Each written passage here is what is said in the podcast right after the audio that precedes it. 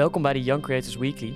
Ik ben jullie host, Max Laborie. En in deze podcast neem ik jullie wekelijks in sneltreinvaart mee in de belangrijkste gebeurtenissen voor jonge makers en ondernemers. En ga ik in gesprek met een jonge maker uit de community.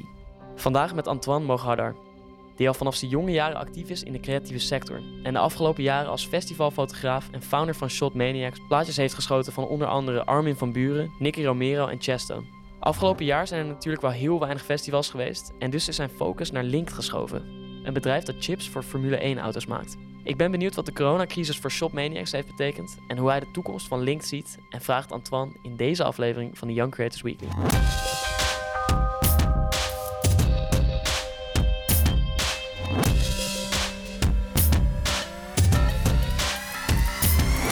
Antoine, welkom. Helemaal uit uh, Enschede afgereisd. Yes. Bedankt dat je er bent. Ja, ik uh, vind het leuk. leuk ik, hoop dat je, ik hoop dat je zin in hebt. Ik heb er uh, heel veel zin in. Dus, mooi, mooi, mooi. Hey, Armin van Buren, Nicky Romero, Chesto, dat zijn, dat zijn enorme namen. Zelfs voor iemand die, die niet in die wereld zit. Je kent ze gewoon. Hoe is het om met dit soort ja, grootheden te werken? Um, ja, dit soort grote... Ja, ze zijn sowieso heel erg op mezelf gericht, moet ik zeggen. Uh, er is niks in arrogante zin of wat dan ook. Maar ze zijn gewoon heel erg gepassioneerd over wat ze doen... en hoe ze bezig gaan met, met het ja, beter maken van de muziekindustrie. En ja, ik persoonlijk vind het zelf heel mooi om te zien. En om die reden vind ik het ook juist extra interessant om in die, in, die industrie te werken en, en daar echt actief in te zijn. En dat is het afgelopen jaar gewoon wat minder geweest. Maar ik hoop dat we snel terug kunnen. Ja, je zegt dat ze een beetje in zichzelf zijn dus. Merk je dat dan ook in de omgang met, met, die, met die grote namen? Of zijn het wel allemaal hartstikke sympathieke gozers? Het zijn uh, super sympathieke gozers. Uh, ja, je moet gewoon ingenomen zijn om, om zelf echt bezig te gaan met je eigen ding. Want dat is best wel een harde, harde industrie.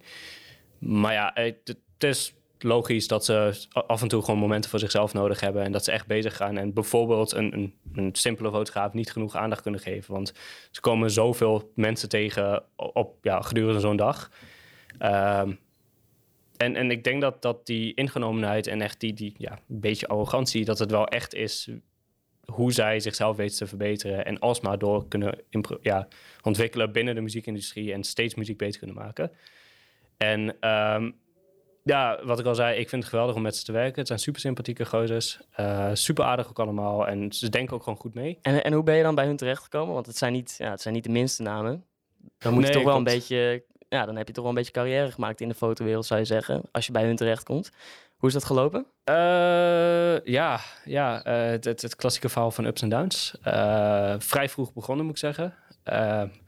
het was ook meteen de reden waarom het gewoon wat langer duurde dan wanneer ik bijvoorbeeld nu zou beginnen. Um, ja, je bent jong, mensen zien je als onervaren. Uh, wat ik trouwens ook was, het, het, is niet dat ik niet onervaren was, maar je bent gewoon heel jong en je moet gewoon stappen zetten voordat je echt op plekken terechtkomt voor, uh, om, om bij dit soort dingen terecht te komen. Maar die DJ's die zagen gewoon die foto's die jij eerder had genomen en die dachten, wauw, dit, dit, is het? Of, of... Oh nee, zeker niet. Ging dat maar zo makkelijk? het uh, zou alles een stuk makkelijker gemaakt hebben. Nee, uh, in principe is het gewoon echt portfolio opbouwen, reputatie opbouwen. En dat, dat dan eindeloos door totdat je op een punt komt dat je of door een organisatie benaderd wordt van... hey, kun je onze fotografie of videografie op, ons op je nemen?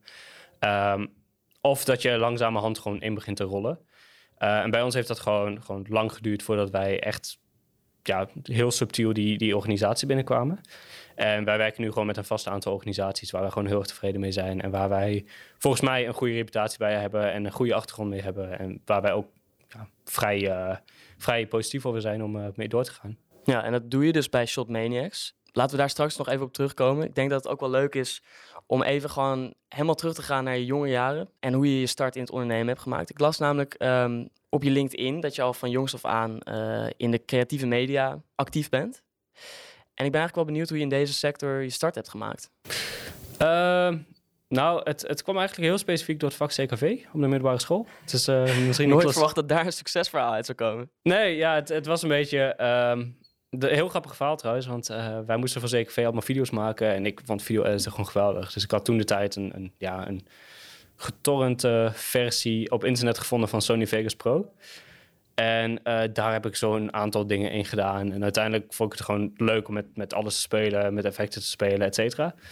Dus uh, ja, zodra wij een vak kregen, of een opdracht kregen vanuit CKV, was van oké, nou dan ga ik daar een video van maken. En, en voor je het weet stond er een video en dan stond het vol met, met, ja, met licentiebreuken en eh, echt allerlei video's van YouTube afgeript. maar ja, het was een video waar ik dan helemaal trots op was. En ehm, dat, eh, dat, dat heeft vooral een grote rol gespeeld. Uh, verder, ja, mijn, mijn ouders die zitten allebei in de creatieve sector. En dat ja, creatieve ondernemerssector. En dat heeft ook wel echt een grote rol gespeeld in mijn ontwikkeling richting het ondernemerschap. Maar wat doen jouw ouders? Uh, mijn vader is goudsmid. En mijn moeder die, die, ja, die helpt mijn vader met, met zijn zaken. Dus uh, ja, ook een vrij creatieve sector. Ja, en dus, dus het begon bij CKV. Daar heb je allerlei video's gemaakt, uh, video's geript, video's gemaakt. Ja. Um, en wat was dan je eerste, ja, wat was dan je eerste uh, ervaring met ondernemen in de creatieve sector? Oeh, lastige vraag. Uh, kan je dat niet meer herinneren? Ja, het, het, is niet echt geweest dat er op een moment, pam, een, een punt was van... oké, okay, nu ben ik ondernemer. Het, was, het liep een beetje geleidelijk op. En het is gewoon... Uh, ja, mijn tactiek van to toen de tijd was gewoon net zo lang mailen totdat... Uh, totdat één iemand toezegt. En ik weet dat ik daar genoeg partijen echt helemaal panisch mee heb gemaakt. Um, ik zag dat je um, in game development bent begonnen. Of, of is dat niet echt je start geweest? Nou, mijn start is echt geweest... Uh, nou ja, het, het, het hangt er vanaf op, op welk gebied. Op studiegebied ben ik inderdaad richting HBO-ICT en uh, game development begonnen. Uh, want dat was wel echt gewoon mijn grootste interesse. Ik wou bezig gaan met games. Ik hield van gamen. Uh, maar daarentegen was ik ook heel erg van, van ja, ICT, informatica, uh, processen, programmeren, et cetera. Uh, maar wat betreft Short Maniacs, het, het is gewoon echt begonnen vanuit CKV. En een beetje eigen interesse om dingen te ontwikkelen en dingen zelf, zelf te bedenken. Een beetje richting video, foto. En ja, de onderneming is gewoon echt begonnen gedurende de jaren. En het is niet echt een moment geweest waar ik zoiets had van... hey, dit, ja. dit is de start van, van een onderneming. Ja. Het stond er gewoon een keer op een moment. Ja, kan je wel herinneren of er iets of iemand was die jou heeft geïnspireerd om, om, om die wereld in te duiken? Je had, je had het net over je ouders, dat die in de creatieve sector zitten allebei. Ja. Zijn zij een grote inspiratiebron geweest of heb je die inspiratie ergens anders vandaan gehaald? Uh, mijn startinspiratie kwam wel van heel veel vlakken. Uh, om te beginnen, zo, er is een hele community met fotografen en videografen. En uh, elke keer als je dus die mensen langs ziet komen en wat zij posten, dan, dan zit ik nog steeds, nog altijd van wow, het is, het is zo vet en het is echt bizar. Uh, dus ja, het, het, is een inspiratie die uit meerdere vlakken komt. Uh, sowieso vanuit mijn ouders. Uh, echt de ondernemerschap, de harde ondernemerschap komt echt puur van mijn ouders. Um, want ja, als ik zie hoe mijn vader bezig is, als ik zie hoe mijn ouders, ja, beide ouders bezig zijn, dan heb ik wel zoiets van: oké, dit, dit is wel wat ik wil. Die vrijheid die zij hebben, de, de, de, ja, het recht en, en de, de manier van beslissingen nemen, dat uh, trekt mij heel erg aan. Uh, ook meer dan een vaste baan of, um, ja, ja, hoe kan ik het, het best zeggen? Ja, een kantoorbaan. Of een kantoorbaan, inderdaad. Ja. Dus uh, ja, die vrijheid die, die, die trekt mij heel erg en die heeft me ook altijd getrokken.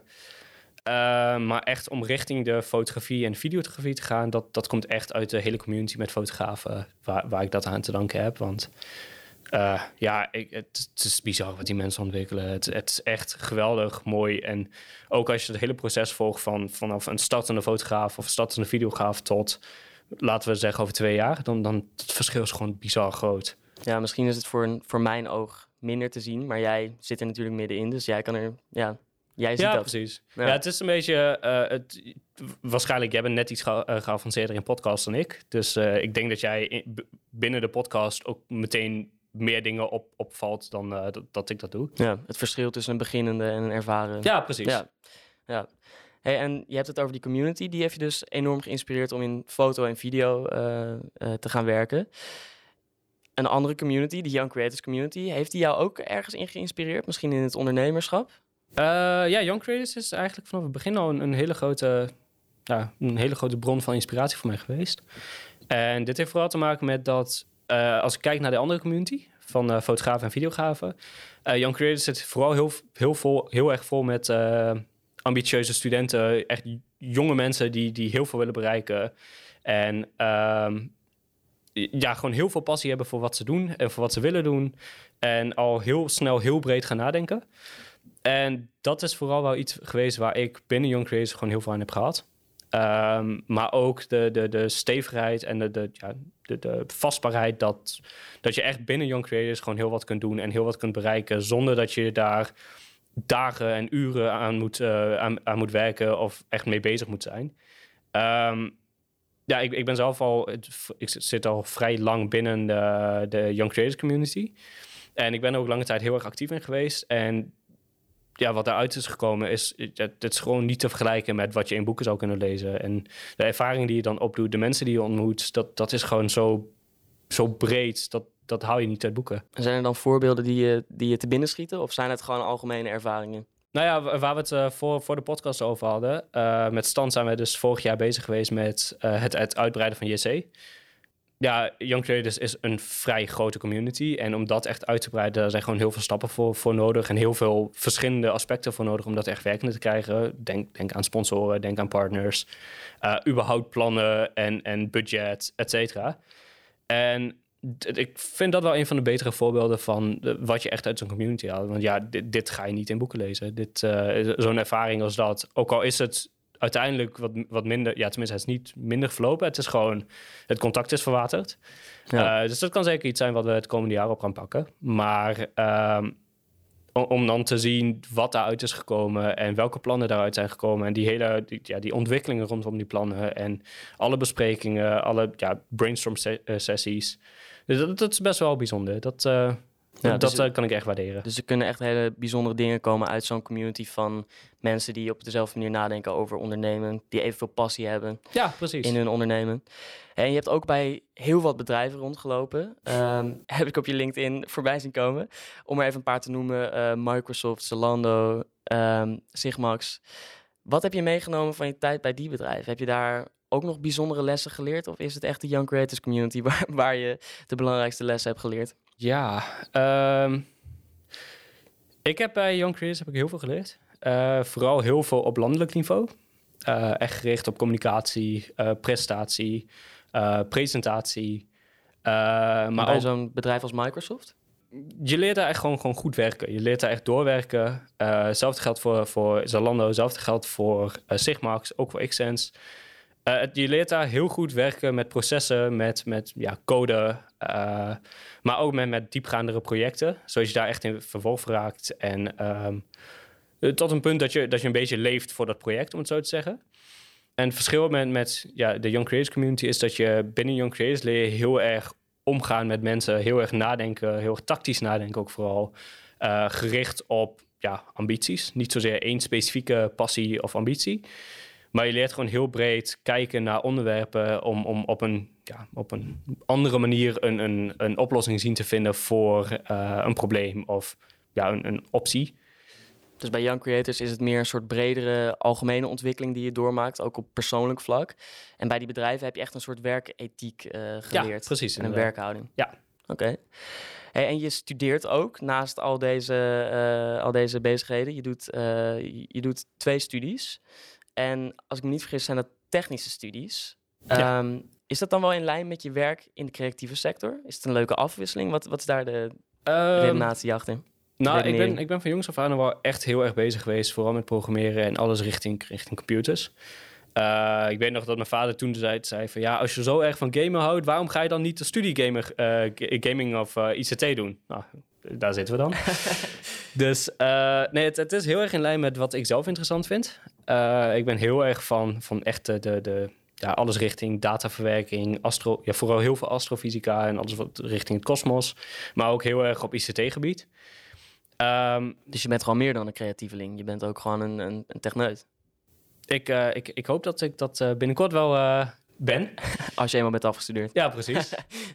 maar, ja, het, het is gewoon... ik studeer inderdaad Creative Technology op de Universiteit Twente... en Technical Computer Science. zijn vrij zware studies allebei. Creative Technology dan iets minder zwaar dan TCS. Maar het sluit heel erg mooi bij elkaar aan. En ook bij wat ik zelf in gedachten heb voor later. Ehm, tenminste, hoe ik het nu voor me zie. Uh, wat het over tien jaar zou zijn, geen idee. Dat uh, zullen we dan zien. Hmm. Maar uh, hoe ik dat nu voor me zie, past dat gewoon heel goed bij wat mijn interesses zijn, hoe ik mezelf verder wil ontwikkelen, welke kant ik op wil gaan. En um, ja, die, die techniek en dat creatieve hoeven elkaar natuurlijk ook niet uit te sluiten. Nee, precies. En is dat dan wel een beetje te combineren? Want het lijkt me, ja, ik vind dat ik zelf al druk ben met één studie en die podcast en, en, en nog een beetje een sociaal leven proberen te onderhouden. Hoe combineer je dat allemaal? Uh, ja, dat, dat is ook vrij grappig. Want als je uh, iedereen die nu vraagt die mij kent, die heeft waarschijnlijk wel zoiets van: oh, dat, dat is die drukke gast of niet.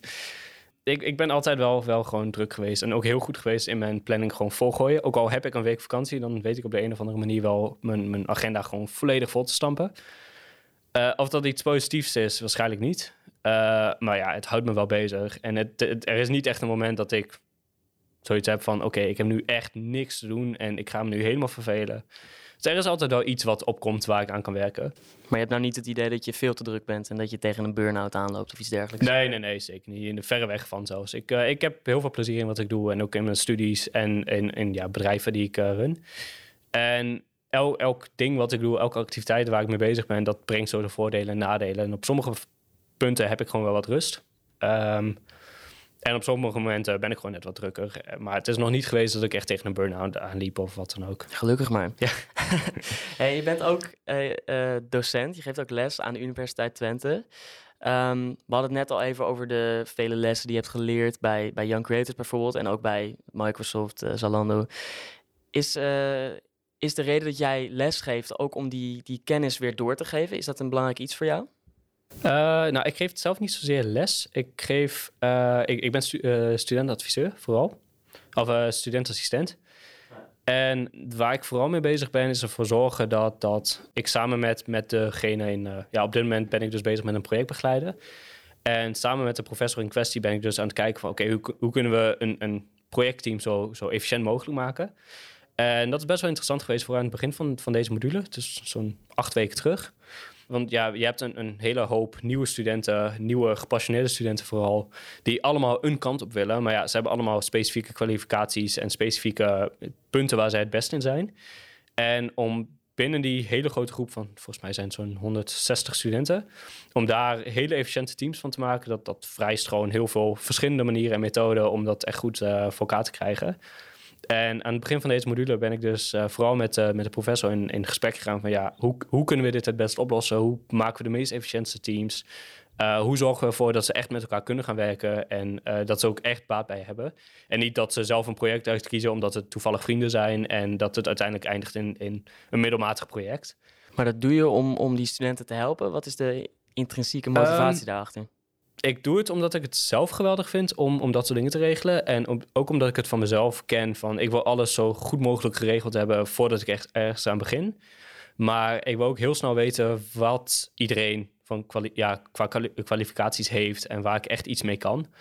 En niet dat je bijvoorbeeld iemand die heel goed is in code schrijven, alleen maar een document laat aanvullen waar hij gewoon geen plezier van heeft. Dus je wil iedereen in zijn recht laten, laten um, werken? Iedereen in zijn recht, maar ook uh, dat diegene uh, uitgedaagd wordt om door te werken. En niet dat, dat hij zoiets heeft van: hey, oké, ik, ik doe het nu wel, ik, ik doe mijn werk goed, maar ik leer hier gewoon niks van. Het was een vreselijke module en ik heb een. Uh, zes, weken, zes weken achter de rug gehad waar ik gewoon niks heb geleerd, maar ik heb wel een document in elkaar gezet. Ik bedoel, dat, is niet een manier waarop je uit een project zou willen komen. En ik vind dat dat ook gewoon zoiets is wat zij mee moeten nemen naar hun, ja, bedrijf, bedrijf waar ze laten gaan werken. Dus ja, ik, ik vind die morele waarde belangrijk dat zij echt iets hebben gehad aan het project waar ze gewerkt hebben. Want dat is, dat is nog steeds tijd en tijd is vrij gelimiteerd. En als je dan acht weken lang besteedt binnen je studie uh, aan iets wat je gewoon of al kunt of niet, niet leuk vindt, dat is het gewoon zonde van je tijd. Ja, dus jij wil gewoon die ervaring zo mooi mogelijk en zo productief mogelijk ja, uh, voor die studenten maken. Oké, okay. laten we even teruggaan naar uh, Shop Maniacs. Daar begonnen we over. Um, daar ben je founder en fotograaf. Maar wat is nou precies, ja, waar, waar houdt Shop Maniacs nou, zich nou precies mee bezig? Shop Maniacs is een, uh, een ja, heel, heel kort gezegd een mediabedrijf. Uh, wij zijn vooral gericht op festivalfotografie en videografie. Tenminste, tot vorig jaar waren wij vooral gericht op, uh, op festivalfotografie en videografie. Maar dat is vanwege de coronacrisis is dat volledig veranderd. Uh, en dat komt vooral doordat de hele markt die ging op slot. En we hebben volgens mij in de eerste vijf maanden hebben we echt enorme verliezen gedraaid. Tot een punt dat gewoon al onze klussen voor een heel jaar lang weg waren. En toen ben ik dus nog, uh, dus nog een keer met het team gaan zitten van... hey, wat kunnen we eraan doen? Uh, we hebben nu weinig, weinig tot geen klus op de agenda staan. Maar ja, we, hebben wel onze kosten, die moeten we gewoon betalen. En jullie willen werken, jullie willen door blijven gaan. Uh, dus ja, het bedrijf stoppen, dat zit er gewoon niet in. Er moest iets veranderen. Nou, er, er moest niet zozeer iets veranderen. We moesten gewoon even, even anders gaan nadenken over hoe we dingen aanpakken. En wat ik al zei, we waren eerst echt gericht op festivals. en dat is later gewoon veranderd. Simpelweg omdat wij we hadden allemaal een interesse. Dus ik ben even met ieder personeelslid ben ik even in gesprek gegaan van... hey, wat vind jij nou leuk? Wat wil jij nou echt leren? Ehm, waar, waar wil jij moeite in stoppen? En een van die dingen was dus uh, automotive fotografie of videografie. En wat is dat precies? vooral gericht op, op auto's. Heel, heel kort door de bocht. Maar ook bijvoorbeeld videografie, om dat wat breder aan te pakken. Dus we zijn de afgelopen tijd gewoon heel erg bezig geweest in het veranderen naar, uh, naar een bedrijf wat meerdere interesses heeft, meerdere doelstellingen heeft, maar ook meerdere, op meerdere vlakken aan het werk kan. En niet alleen maar binnen de festivals, want ja... Die zijn er niet. Ja, die, die zijn er niet. En uh, een foto is een foto. En of ik dat nou maak op een festival uh, of ergens midden op straat waar, waar ik voor drie auto's staan. Het, het, principe is hetzelfde en het gaat meer om het, het creatieve denkvermogen achter het hele proces dan de locatie waar je zit. Dat is er in ieder geval. Ja, precies. En uh, dat, dat bedrijf, dat, dat bestaat al acht jaar als ik me niet vergis. En Pak dat, je bent nu 23, dan was je dus ongeveer 15 toen je begon. Ja.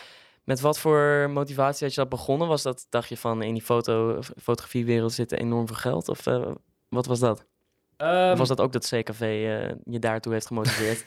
nee, ja, volgens mij hebben we het hier net over gehad. En um, het, het, is niet zozeer het geld wat ons echt uitmaakt. Ik heb uh, helemaal aan het begin met mijn collega, to toevallig ook mijn zus, uh, hebben wij gezeten en we hadden allebei zoiets van, ja, weet je, ik vind, ik vind het gewoon leuk om te doen. Het, is, uh, het, het, het, triggert gewoon heel wat dingen in ons. En een van die dingen is dat wij op een gegeven moment heel erg creatief kunnen gaan kijken naar beelden, maar ook dat we gaan kijken naar hoe wij beelden kunnen vernieuwen, beelden kunnen aanpassen, met alleen maar een andere locatie zoeken op dezelfde locatie, of een andere plek zoeken op dezelfde locatie.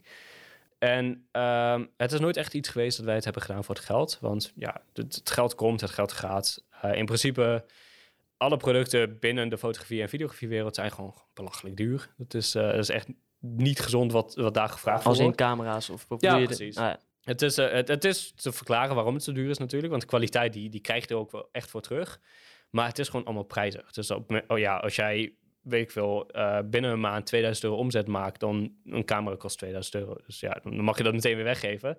Dus uh, we hadden vanaf het begin al besloten dat we het gewoon niet voor het geld zouden doen. En dat we het echt puur voor de ervaring zouden doen. En ja, mijn collega die is dus uh, ook accountant. En dat zij, is vooral gericht op echt de financiële af, afdelingen binnen, binnen het bedrijf. waar ik dan heel erg gefocust ben binnen alle technische aspecten binnen het bedrijf. Dus dat, dat sluit ook gewoon aan bij onze persoonlijke interesses. En wat wij binnen het bedrijf doen, doen dat heeft ook gewoon heel, heel veel effect op hoe wij kijken naar bijvoorbeeld een bijbaan later of een vaste baan, et cetera. Ja, nou mooi. Het gaat niet om het geld dus. Nee, En je zei net al, uh, auto's, daar willen jullie meer op focussen. Um, komend jaar gaan we waarschijnlijk nog niet heel veel festivals zien. Wat, wat gaan we naast de auto's dan nog meer van Shop Maniacs zien? Ja, uh, we zitten dus momenteel gewoon in een uh, flink, uh, flinke metamorfose van het bedrijf. we zijn vooral heel erg bezig met ontdekken welke markten er verder nog zijn. wat ik heb gehoord van mijn collega's is dat zij de horeca erg interessant vinden. De, ja, van de afdeling fotografie. En van de afdeling videografie, waar ik zelf betrokken in ben, daar heb ik heel veel positieve dingen gehoord over autofotografie. Autofoto en videografie trouwens.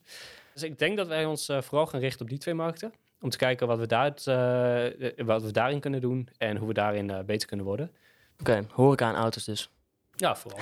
Moet de horeca wel weer open gaan trouwens? Nou, het kan ook buiten de openingstijden van de horeca, toch? Ah, dat is waar ook. Want dan schieten jullie gewoon een plaatje van, van, van cafés. Cafés, voedsel, uh, verschillende stijlen van voedselfotografie, maar ook inrichtingen, architectuur die bij die horeca-tenten horen. Uh, dus er, er, komt gewoon heel veel bij kijken. Oké. Okay. Hey, maar we hebben het over Shop Maniacs gehad. We hebben het over je studeren gehad. Ik heb uit betrouwbare bronnen vernomen dat eigenlijk je volle focus ligt bij Linked. En uh, dat is een nieuw bedrijf dat je hebt opgezet. Um, wat is dat precies voor bedrijf? Ja, um, ja volle focus klopt op, op dit moment ook wel. Shop Maniacs ligt vrij plat, omdat we nu echt bezig zijn in die transitiefase. Dus uh, ondertussen ben ik ook een beetje van het eigen interesse ben ik ook een tweede bedrijf begonnen. En dat is inderdaad Linked. En met Linked probeer ik, uh, ja, op dit moment is nog ik, uh, probeer ik gewoon sensoren te ontwikkelen voor, voor auto's eigenlijk. Uh, met mogelijkheden om het uit te breiden naar Formule 1, naar allerlei andere race, eh, ja, racecompetities. Ehm, en alles in die richting. En wat doen die sensoren dan precies? Uh, voornamelijk zijn ze op dit moment gericht op data measurement uh, en data collection. Om uh, later eventueel een dashboard te bouwen uh, waarmee wij die bepaalde teams dan kunnen voorzien van informatie. Oh ja, en, en hoe is dit idee ontstaan? Of hoe, is dit, ja, hoe, hoe ben je bij dit idee terechtgekomen? Ehm, nou, het komt vooral voort uit mijn interesse voor de Formule 1. Uh, ik, ik, ben echt een groot fan van de Formule 1. En, ehm, ja, en een groot fan van techniek. Dus uh, het, het, is een beetje een mix van beide. En omdat ik dus binnen, ik ben, ben nu aan het afstuderen. tenminste, richting afstuderen. Um, en ik wil dus vanaf volgend jaar of eind volgend jaar wil ik richting Eindhoven om daar automotive engineering te gaan studeren. En ja, ja, ondernemerschap, automotive engineering, Formule 1, triggerde eigenlijk wel iets om richting sensoren te gaan. En uh, ik heb voorheen dus bij Xsense gewerkt als uh, software developer, ook gericht op motion development en uh, echt die, die pure software development. Wat is dat ook weer precies, Xsense? Xsense is een bedrijf wat gericht is op ja, motion development vooral. Echt ehm, alles richting. richting um, ze, even kijken, als ik het even goed uitleg. Zij bouwen sensoren voor het, uh, het opvangen en het, het vastleggen van bewegingen, om dat later te distribueren naar verschillende partijen. En denk hierbij aan filminstellingen, uh, Walt Disney, et cetera. Uh, en daar geven zij dan sensoren uit, tenminste daar werken zij voor om het, het, ja, het verwerken van, van bewegingen makkelijker te maken. Oké, daar was jij dus werkzaam bij uh, Ja, ik was werkzaam bij Xsense inderdaad. Volgens mij ongeveer anderhalf jaar. En uh, wat ik daar deed was vooral software development richting de, de, ja, de motion uh, suit. En dat is dan een pak wat je, wat je uitdraagt. En in dat pak zitten dus allemaal sensoren. En al die sensoren die vangen een identiek, identiek deel van je lichaam op qua beweging. En dat wordt later dan geregistreerd in een, in een applicatie die ze zelf hebben geschreven. Uh, en ik was vooral werkzaam in, in de software development van dat uh, project. Oké, maar en hoe ben je dan bij Link terechtgekomen? Want nu ben je nog bij Xsense. Hoe is dat gegaan? Ja, wat ik al zei, sensoren. Uh, en het kwam half uit mijn studie. En, en ja, voor mijn interesse voor de Formule 1 en mijn plannen voor de toekomst, voor Eindhoven. dat ik ging nadenken van, hey, wat kan ik er nu mee doen? Ik heb zoveel ervaring, ik weet van dit en dit en dit af. Ehm, hoe ga ik dit samenbrengen in één project? En daar is dus Link uit voortgekomen. Oké. En, en het feit dat het gros van je focus bij links ligt, um, getuigt wel van vertrouwen in het product, lijkt me. Wat is dan, ja, waarom heb je er zoveel vertrouwen in? Welk gat in de markt ben je aan het vullen met dit, uh, met dit uh, product? Ja, uh, oeh. Moeilijke vraag. Ja, lastige vraag. um, nou, ik, ik heb er veel vertrouwen in, omdat het een project is waar ik zelf heel, heel erg veel passie voor heb. ik vind het leuk, ik vind het onderwerp leuk. Ik weet dat ik er als ik er genoeg moeite in steek, dat, dat het heel erg ja, rendabel zal, uh, zal zijn voor me. Maar ook gewoon de, de hele ervaring op zich. Uh, Formule 1 is best wel een harde wereld. Uh, het, is, het, is, ook wel een hele grote wereld. Maar ondanks dat het zo groot is, is het vrij... Ja, je zou het kunnen zien als een, een dorp. Iedereen kent elkaar, alles kent elkaar. Het het, is, technisch gezien gewoon een voetbalwedstrijd. Er zijn gewoon heel veel partijen bij betrokken, maar uiteindelijk gaat het echt om dat ene team. En uh, mijn passie is dus wel echt om, om bij te dragen aan het ene team. Om gewoon het beste eruit te kunnen halen wat er is. En uh, ja, dat, dat trekt mij gewoon heel Dus erg. het is gewoon een hele, hele mooie wereld om in te werken eigenlijk, die Formule 1-wereld. Uh, ja, ik, ik ga het zien. Ja. Spannend. En wat voor grote, grootste plannen worden momenteel aangewerkt bij Linked? Wat, wat kunnen we komend jaar verwachten van Linked? Komend jaar van Linked? Ik ben vooral nu bezig met de opzetfase, want het bedrijf bestaat nog niet zo heel lang. Uh, dus ik ben nu vooral aan het kijken van, oké, okay, wat, uh, wat is de markt precies? Hoe kan ik inspelen op de markt? Welke aspecten ontbreken er? Maar ook, welke aspecten zijn er al en welk, wat kan ik verbeteren daaraan? Want ja, er zijn vrij grote partijen die dan uh, datacollectie doen binnen die, die wereld. Want het is echt een wereld dat gebouwd is op data. Daar moet jij mee gaan concurreren straks. ja. maar ja, het gaat er niet vooral... Het, tenminste, het gaat er niet echt om dat, dat we daarmee gaan concurreren. Het, je bent binnen die wereld ben je echt aan het bouwen aan een specifiek product. Uh, om, om, sowieso die wereld veiliger te maken. Maar ook om het wat ja, spannender te maken. Want het gaat vooral om de spanning waardoor die wereld steeds aan het groeien is. En hoe doe je dat dan, het spannender maken?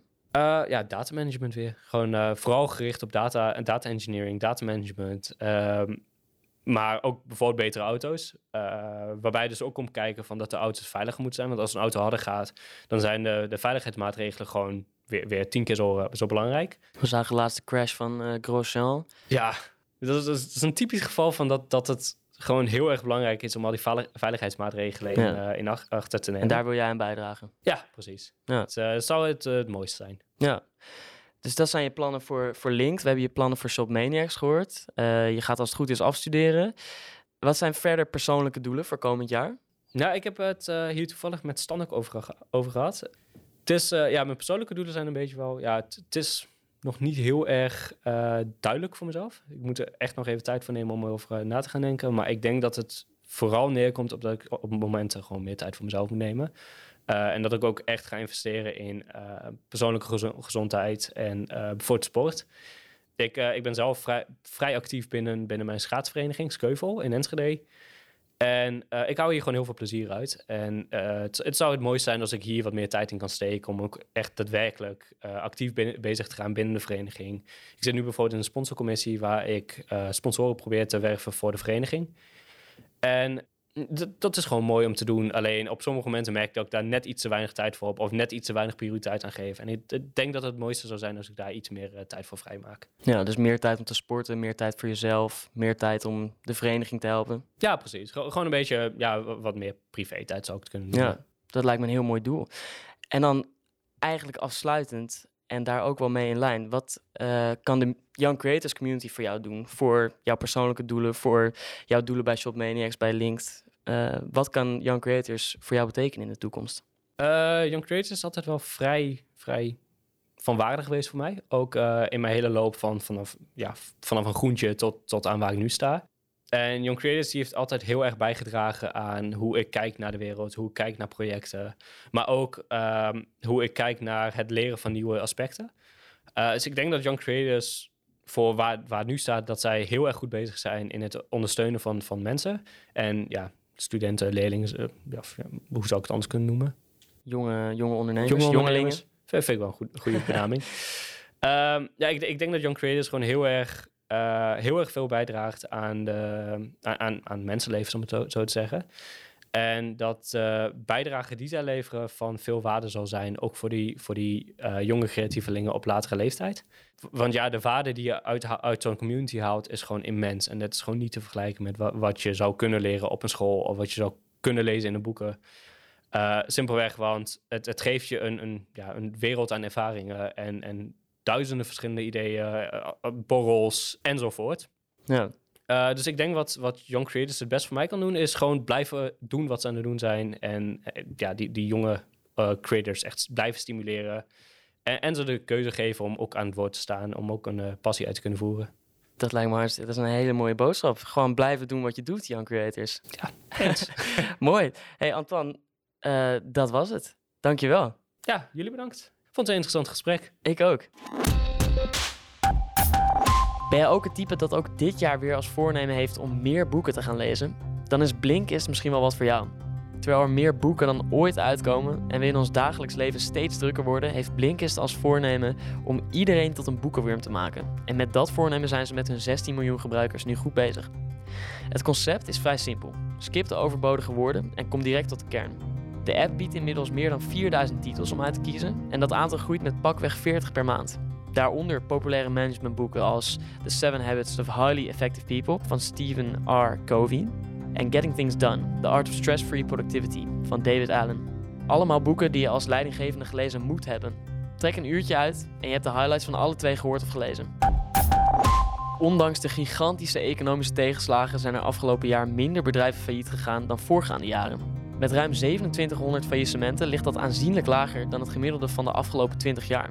Het CBS wijst op de noodsteun van de overheid als reden voor het lage aantal bankroeten. Daardoor blijven bedrijven zonder stabiele inkomstenbronnen mogelijk langer overeind. In praktisch alle bedrijfstakken gingen minder ondernemingen failliet, maar er zijn ook uitzonderingen, zoals de horeca, de cultuur, sport en recreatiebranche en het onderwijs. Het grootste aantal faillissementen vond plaats in de handel. Dat een rijk iemand nog net iets rijker is geworden, is tegenwoordig geen nieuws meer. Maar in het geval van Elon Musk zit er vaak toch net weer een grappig verhaal achter. Elon Musk is sinds een aantal dagen nu de rijkste man op aarde. Met een persoonlijk vermogen van 188 miljard dollar wil Elon grootste dingen doen. De CEO van Tesla en SpaceX probeert zoveel mogelijk kapitaal vrij te spelen om een kolonie op Mars te stichten. Sterker nog, los van mijn aandelen bezit ik eigenlijk helemaal niets meer dat enige geldelijke waarde heeft, zei Musk. Als het heel druk is, slaap ik wel in de fabriek of op kantoor. En omdat ik wel een plek moet hebben voor als de kinderen er zijn, huur ik iets. Vreemde snuiter die Musk als je het mij vraagt. Je hebt Young Creators misschien al een tijdje niet in je mailbox gezien, maar vanaf deze week zijn we terug met onze nieuwsbrief om jullie van de allerlaatste updates en andere interessante content te voorzien. En dat doen we wel met een gloednieuw team, Young Creators Publish.